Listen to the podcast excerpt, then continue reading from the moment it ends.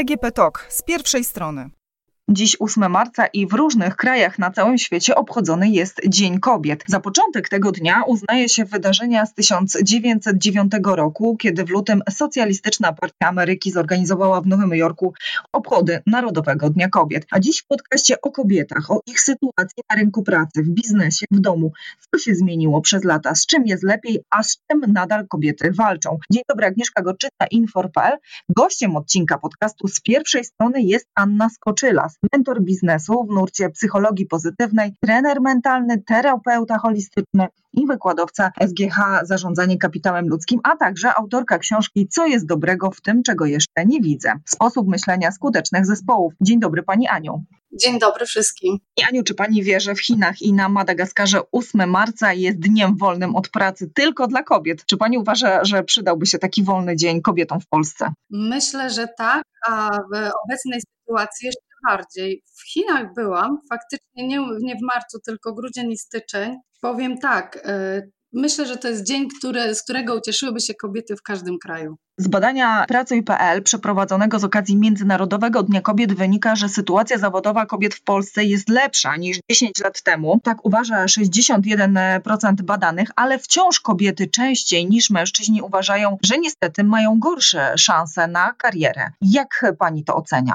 Jest w tym dużo prawdy, dlatego że klientki, z którymi pracuję na co dzień, to są zarówno kobiety, które już są w biznesie na różnych wysokich stanowiskach, ale też takie kobiety, które dopiero E, chcą wejść na rynek pracy, to jakbym miała powiedzieć o różnicach w myśleniu o sobie w biznesie, to panie sobie odejmują trochę własnych wartości, mają niższą pewność siebie i z założenia, gdy rozmawiamy na przykład o tym, ile chciałyby zarabiać na konkretnym stanowisku, stawiają e, mniejsze stawki e, niż panowie. Są takie badania, które mówią o tym, że dla kobiet w pracy oprócz tego wysokiego wynagrodzenia ważne są pozapłacowe jakby takie rzeczy y, w ramach docenienia, a to co najważniejsze to elastyczny czas pracy. Czy Pani uważa, że na to postrzeganie rynku pracy, na to, że może kobiety słabiej negocjują, chcą negocjować, może mieć wpływ w tym momencie pandemia? Czy to był już taki, może nie trend, ale takie zachowanie, taki proces, który kształtował się już od wielu lat i pandemia tu nic nie zmieniła?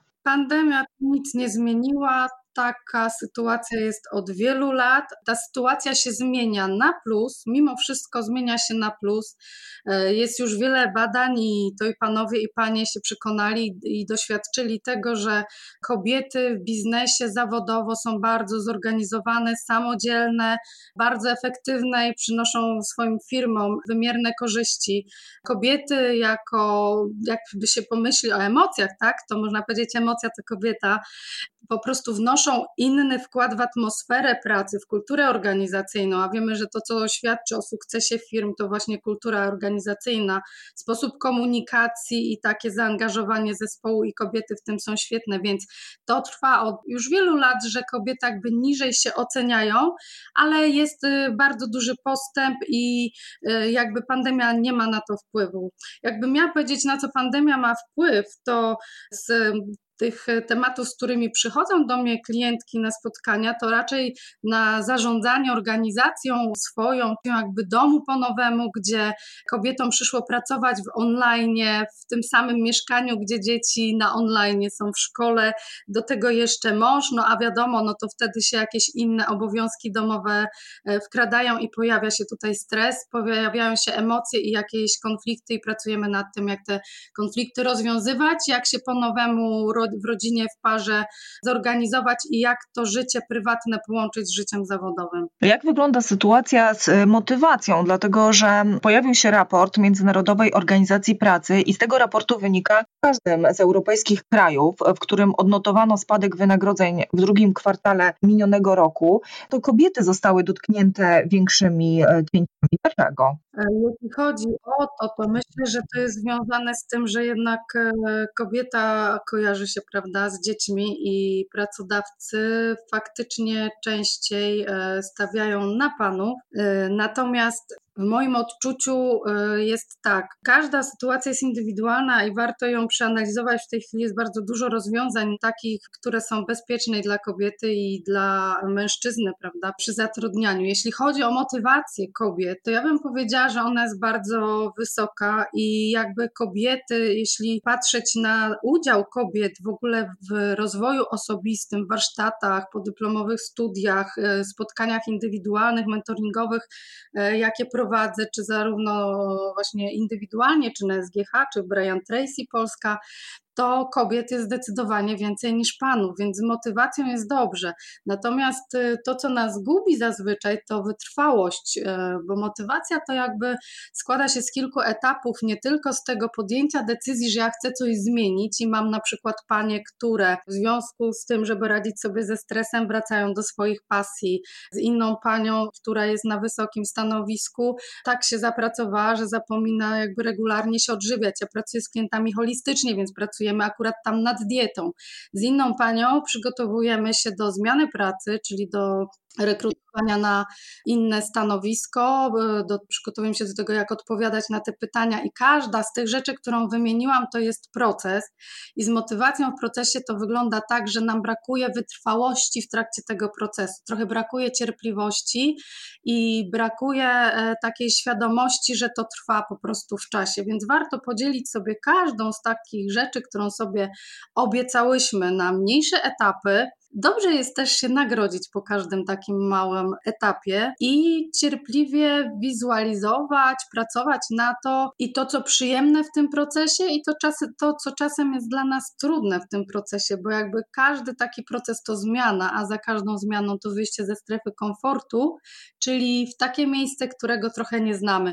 Natomiast to właśnie po wyjściu ze strefy komfortu jest e, rozwój. No tutaj pani dotknęła takiej, poruszyła pani bardzo taką ciekawą rzecz, te nagrody. Nagradzamy się za każdy etap e, związany z tym, że pokonujemy jakieś własne słabości, bariery, wykonujemy jakiś swój plan, założone cele, a to może być takimi nagrodami, bo to nie zawsze musi być słodka czekolada. Nie, nie, ja myślę o czymś takim, bo my często stawiamy sobie jakiś duży cel i jak e, nasz mózg weźmie taki duży cel na głowę, to na samym początku już czuje zniechęcenie. A jeżeli spojrzymy na każdy cel, jak duży on by nie był i podzielimy go sobie e, na mniejsze etapy, to tak samo jak wielką nagrodą, nie wiem, mogłaby być jakaś podróż, czy może ufundowanie sobie czegoś większego, to tu za te małe etapy myślę o małych nagrodach. Taką małą nagrodą, którą lubi większość kobiet, to są, nie wiem, masaże, ale to może być coś, co zupełnie nic nie kosztuje, jak, nie wiem, właśnie przeznaczenie czasu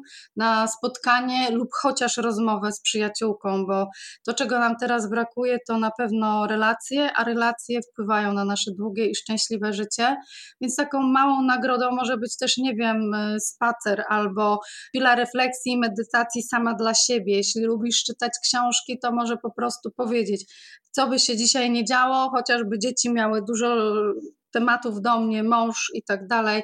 I w pracy to ja sobie planuję, że dzisiaj wieczorem po południu spędzę 30 minut z fantastyczną osobą, jaką jesteś ty sama, i spędzisz je sama ze sobą na przykład na spacerze, czytając książkę, e, słuchając może na YouTubie czegoś, co jest w zakresie Twoich zainteresowań, może ćwicząc, może tańcząc, e, może przypominając sobie, co lubiłaś robić w dzieciństwie najbardziej a nie masz na to teraz czasu. Co to takiego jest? No u moich tych klientek ostatnio często się pojawia właśnie taniec. Pani Aniu, jak wygląda sytuacja z tą solidarnością e, kobiecą? Bo mówi się o tym, że najlepszym i najpiękniejszym w sumie elementem dla drugiej kobiety jest e, komplement od przyjaciółki, od koleżanki. Potrafimy być bardzo solidarne, ale też potrafimy sobie tutaj, no, jak trzeba, to i wbić e, szpilę. Jak to naprawdę wszystko wygląda? Ja mam dość dobre doświadczenia i bym powiedziała, że kobiety się wspierają. Tworzą się różne prawda, kluby, stowarzyszenia kobiet aktywnych zawodowo czy z,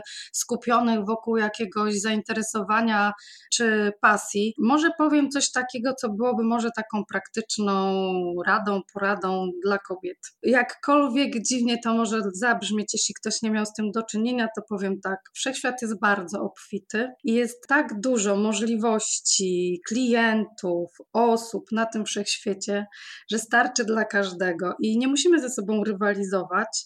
Lepiej, jeżeli będziemy ze sobą współpracować i się wzajemnie wspierać. Kultury takich e, narodów, które pokazują, że żyją długo i szczęśliwie, pokazują wręcz to, że kobiety e, jednoczą się w takich kręgach, gdzie wymieniają się doświadczeniem. Starsze, dojrzałe kobiety są takimi doradcami, prawda, dla młodszych w dzisiejszych czasach, gdzie technologia bardzo się rozwinęła i to młode kobiety mogą być doradcami e, dla starszych. Ja osobiście często, że tak powiem, w takich sytuacjach proszę swoją córkę o pomoc. To chcę też jeszcze jedną taką rzecz dodać, że warto, żebyśmy się jako kobiety wzajemnie wspierały, bo my jako kobiety się rozumiemy najlepiej, tak? Kobieta e, dziennie podobno mówi 24 tysiące słów, a mężczyzna tylko 7 tysięcy. Natury rzeczy lubimy rozmawiać.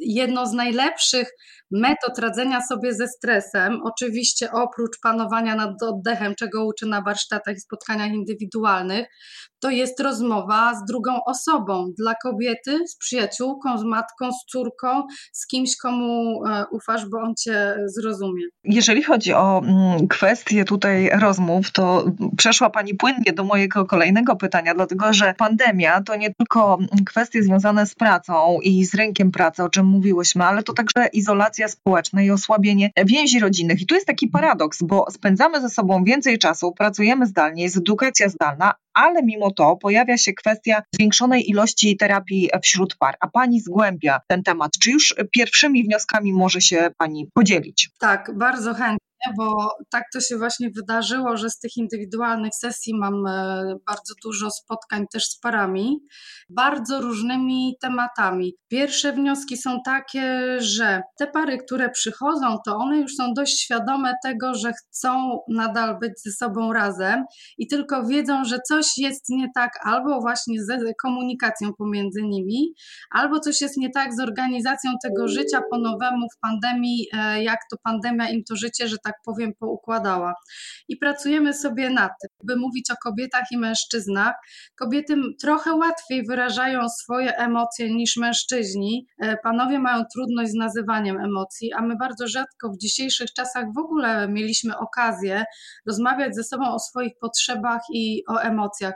I to doskonale się sprawdza, kiedy na takich spotkaniach pary wymieniają się nawzajem tym, co jest dla nich ważne, czego potrzebują. Panie z kolei y, częściej niż panowie też mają problem z asertywnością. I tu od razu sprostuję, bo asertywność dla osób, dla których nie jest znana, ona nie jest ani agresywna, ani uległa.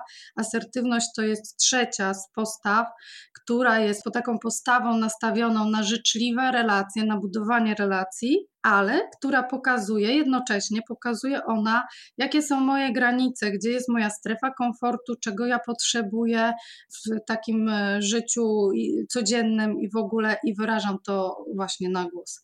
Taka dobra rada, rozmawiać. Rozmawiajcie ze sobą Państwo jak najwięcej się da, bo ta rozmowa jest rzeczą jakby najważniejszą no, nie ma za dużo innych sposobów niż w rozmowie wymienić się tym, co jest dla nas ważne. A w ogóle ja, tak jak piszę w swojej książce, co jest dobrego w tym, czego jeszcze nie widzę, jestem loverem zadawania sobie pytań, pracy pytaniami, zarówno w życiu tym prywatnym, w parach, w biznesie, w zespołach, dlatego że nasz mózg jest jak wyszukiwarka Google, on zawsze znajdzie odpowiedź na pytanie dobrze zadane. Tylko ważne, żeby to pytanie było właśnie pytaniem dobrze zadanym, nastawionym nastawionym na rozwiązania, na poszukiwanie tego rozwiązania takiego win-win dla, dla dwóch stron wygranego. No tutaj dobrze pani podkreśliła dla dwóch stron, bo wiadomo, że no, do tanga e, trzeba dwojga. Jak wygląda sytuacja, jeśli chodzi o łączenie ról zawodowych z rodzinnymi i wychowywaniem dzieci? Dlatego, że to był temat e, i taki właściwie wiele problemów e, z tym tematem już kobiety zgłaszały przed pandemią. Wiele dyskusji było na temat, czy da się pogodzić życie zawodowe z życiem rodzinnym, czy jednak trzeba rezygnować, czy może gdzieś złoty środek. A tutaj pandemia uwypukliła nam trochę ten problem i okazuje się, że wiele kobiet rezygnuje tak naprawdę z aspiracji zawodowych, dlatego że pogodzić tą naukę dzieci w domu, pracę w domu i jeszcze zajmowanie się domem i wszystko w tym samym czasie, w tym samym miejscu, czasami okazuje się no, nie do przejścia. Tak jak pani to powiedziała, e, potwierdzają to klientki, które do mnie trafiają, bądź pary, bądź nawet jak e, mamy spotkania takie zespołowe w firmach na online, tak? E, rzadziej teraz na żywo, aczkolwiek też się zdarzają. Powiem tak, dobra wiadomość jest taka, że to się da przeorganizować, tylko to znowu, tak jak w poprzednim tym pytaniu, wymaga współpracy nie tylko tej kobiety, która jest zaangażowana w tą sytuację, bo jeśli mówimy o domu, to wymaga to zaangażowania partnera, czasem y, dziadków, czasem po prostu zdelegowania tego, może dotrudnienia kogoś, kto pomoże przy dzieciach. Jeżeli by to dotyczyło firmy, to to też wymaga przeorganizowania i trochę może zmiany zasad i norm, jakie panują w firmach i zespołach,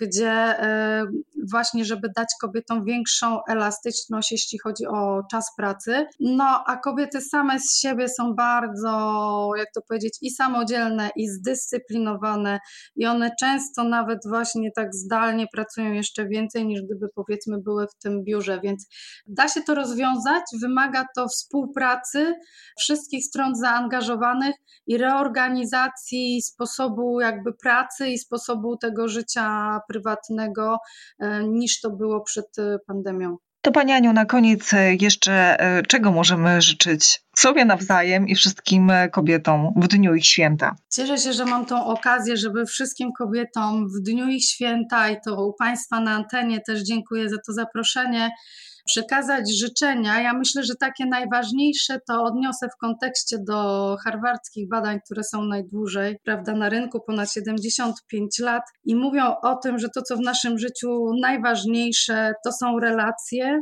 a do relacji to wiadomo komunikacja, rozwiązywanie konfliktów i radzenie sobie z emocjami, ale żeby budować relacje z innymi, warto zacząć od siebie, czyli wszystkim kobietom życzyłabym w dniu dzisiejszym, żeby doceniły siebie, żeby się pokochały za to, co już osiągnęły, e, żeby czuły się dowartościowane i jeśli mogę, bo ja jestem trenerem mentalnym i kształtuję z ludźmi nowe nawyki, tak jak nowe autostrady, które powstają i dają nam więcej możliwości, tak nowe nawyki nam dają więcej możliwości, gdy mamy być kreatywne lub gdy rozwiązujemy konflikty.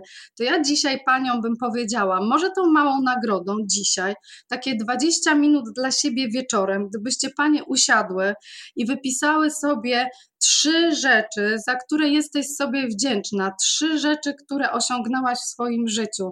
To, że masz dzieci, to też osiągnięcie, że godzisz to z pracą, to też osiągnięcie. To, że skończyłaś jakąś szkołę, to też osiągnięcie. Może masz prawo jazdy, może potrafisz coś robić, nie wiem, malować, tańczyć, robić coś innego. Jeśli jesteś w stanie wypisać tego więcej niż trzy rzeczy, to gorąco zachęcam, wypisz tego więcej. A jeśli masz ochotę zrobić to codziennie przed spaniem, napisać sobie trzy rzeczy, z których jestem zadowolona i za się doceniam i dziękuję sobie, to za 7 dni, 3 razy 7 będziesz miała ich 21 i zaglądaj tam jak najczęściej.